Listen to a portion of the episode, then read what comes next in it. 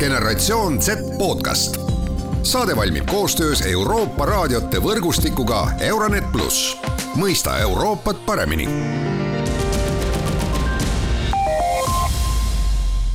tere, jätken Z taskuhäälingu kuulajad. tänases taskuhäälingus räägime noortest ja sellest, kuidas vaadatakse oma keha ehk siis äh, sellest, äh, missugune nägemus ja missugune suhe on äh, noortel sellega, missugused nad peaksid välja nägema. mul on hea meel, et oma perspektiivi on jagamas meiega üheksateistaastane Kärg.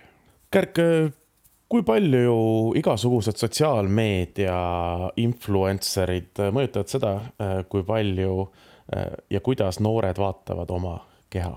Selles mõttes, et kindlasti, aga ma ütleks, et see on viimasel ajal mingil määral paremaks läinud, sellepärast et seda body positivity teemat on nii palju kajastatud, et need mingisugused põhiinfluencer'id, eriti noh, suunamudijad, eriti need, kes tegelevadki mingi fitnessi või, või üldiselt kehakultuuriga, keha vormimisega ja ka mingite mentaalsete teemadega, siis nad on võtnud suures hulgas endale just ülesandeks seda eh, keha positiivsust levitada. vähemalt selline pilt on mulle tekkinud ümberringi vaadates, aga mm. samas ma olen, samas ma olen aru saanud, et viimasel ajal nagu väga-väga hiljuti on jällegi need trendid muutunud väga selliseks, et sa pead olema nii peenike kui võimalik ja, ja kõik muud sellised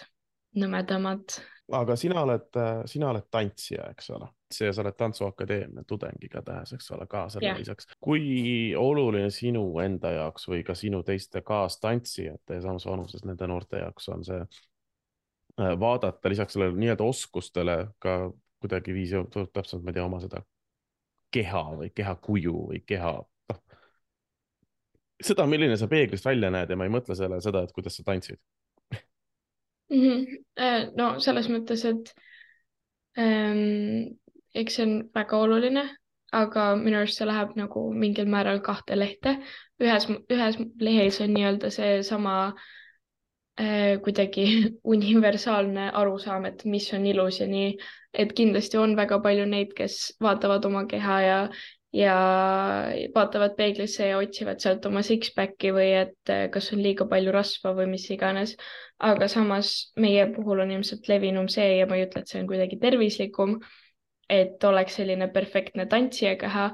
nii väga ei olegi oluline see täpselt, et kas sul on liiga palju rasva või et, et kas on, eh, ma ei tea, kas six-pack on ikka olemas ja kas, kas sa näed oma reielihaseid nii palju või võiks rohkem olla, vaid, vaid just see, et rüht oleks ülenormaalse korras. et a la, kui meil on näiteks mingisugused balletitrennid, siis äh, selleks, et näha sihuke õige välja, ehkki kuna me ei ole kolmeaastasest saati balletti teinud, siis äh, tegelikult me ei saagi näha välja sellised, nagu need balletitantsijad peaksid olema. aga, aga me tahame seda, nii et me pingutame oma keha nii maksimumini, et et see ei ole enam normaalne ja see ei ole enam tervislik. aga kas ähm, see tuleneb sellest, äh, mida sinult oodatakse, sinult kui noorelt, sinult kui noorelt tantsijalt või see tuleneb kuidagi enda sisimas, et ma tahan vastata rohkem mingisugusele ideaalile või mingile asjale? no ma arvan, et see on ikkagi samamoodi väga suuresti mõjutatud erinevatest rollimodellidest või, eh, või samamoodi sotsiaalmeediast kasvõi, et kui me näeme seal neid perfektseid tantsijaid, kelle poole me püüdleme, siis eh, neil on see tantsija keha olemas. ja nii, et see on ikkagi nagu välistest faktoritest mõjutatud, aga mitte selles mõttes, et keegi meile otseselt ütleks seda, vaid selles mõttes, et me ise tahame olla sellised ehk siis ikkagi see, mida sa sotsiaalmeedias näed, on see, mis äh, mõjutab äh, väga tugevalt ka seda, et noh, lihtsalt äh, see, keda sina sotsiaalmeedias vaatad või see, mida sa seal vaatad, on natuke teistsugune kui võib-olla mõni tavaline keskmine üheksateistaastane vaatab. aga, aga põhimõte jääb ikkagi samaks, et sa vaatad seda nii-öelda perfektset influencer'it ja mõtled, et ma pean samasugune välja nägema mm. -hmm, täpselt ja ma ütleks, et see on isegi mingil määral hullem, sest et see tavaline influencer võib sulle öelda seda, et ja, et body positivity ja ma ka tegelikult, ma ei tea, ei ole nii rahul oma kehaga ja noh, mis iganes nagu tõlgendada seda, tõlkida seda kuidagi inimlikku keelde ja öelda, et see on okei okay., aga need tantsijad või noh, see ei pea ainult tantsija olema, olla mingi jooksja või, või kes iganes spordimaailmast. Nad isegi ei pruugi aru saada, et, et nendes viga on või noh, mitte nendes viga oleks, aga et, et nende poole vaadatakse mitte ainult nende saavutuste pärast, vaid nende keha pärast. nii et sealtpoolt ei tule ega saagi tulla väga seda sõnumit, et see on okei okay, milline sa praegu oled aga kust see sõnum peaks tulema või kes see peaks ütlema, et nagu kuulge, et see, see, mida sotsiaalmeedias näitab, fake ikkagi? ma arvan, et kõige paremini see info jõuakski siis liikvele, kui, kui seda samamoodi sotsiaalmeedias jagatakse, aina rohkem jagatakse ja rohkem neid nii-öelda suunamudjaid selle teemaga tegeleks. vahet ei ole, kas nad on siis need iluideaalid või just ma ei tea, hullult muhedad inimesed, kes näiteks komöödiaga tegelevad või noh, kes iganes lihtsalt, et see, et sellel teemal räägitaks palju rohkem ja seda arutelu eh, tõstatataks palju rohkem üles niimoodi, et see jõuab ka nende inimesteni, kes, kes ainult ei mõtle sellel teemal kogu aeg. ühesõnaga, see on, kas see on oluline teema, kas see on noorte jaoks hetkel oluline teema? ja see on väga oluline, sellepärast et see mitte ainult ei mõjuta sinu füüsilist keha, vaid ka vaimset.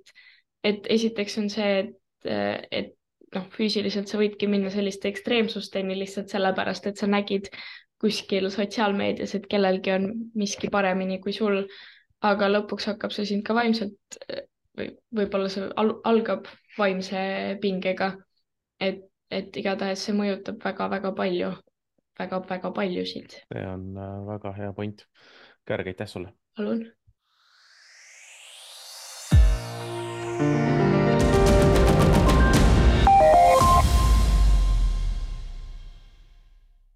Selline oli siis Eesti vaade, kuidas aga suhtuvad äh, sellesse teemasse Poola noored, meie head kolleegid, uurisid seda keskkooliõpilase Karoliina käest. Teraz jakby ja na przykład patrzę na siebie i też na wiele osób w moim wieku jesteśmy dosyć narażeni głównie przez internet tak naprawdę na odbieranie e, wielu ma vaatan ennast ja enda vanuseid inimesi ja läbi interneti näidatakse meile väga palju kujutisi sellest, mis ei ole tegelikult tõsi. aga kui me vaatame ennast läbi väikese seadme enda käes äh, tundide kaupa ja näeme sadu inimesi, äh, kes tegelikult näevad üht või teistmoodi välja, siis see mõjutab väga palju meie psühholoogiat. see mõjutab seda, kuidas me vaatame ennast, sest me unustame ära selle, et kuigi teise inimese keha on hea, meie oma on sama hea ja meil ei ole mingit põhjust tunda häbi. Aga selle sellel hetkel äh, selles toas istudes me lihtsalt unustame selle ja pikas perspektiivis see mõjutab meid palju mõnikord on mul hetki, kus mu keha on mu tempel ja ma hoolitsen selle eest hästi. aga mul on ka neid hetki, äh, kus ma vaatan peeglisse ja vaatan ära, sest ma ei taha seda vaadata, aga ma üritan oma keha hinnata. kuna see on selline tempel ja kõik, mida me igapäevaselt teeme, kas see on siis võileiva tegemine või jalutama minemine, äh, me võlgneme seda sellele kehale ja ma arvan, et kõik peaksid selle eest hoolitsema, kas me räägime toidust, füüsilisest liikumisest või millest iganes. see keha on üks ja me peame seda selle eest hoolitsema, seda hindama, sest et ükskõik, mida me igapäevaselt teeme, me võlgneme seda sellele. bo to, co robimy na co dzień, zawdzięczamy właśnie mu.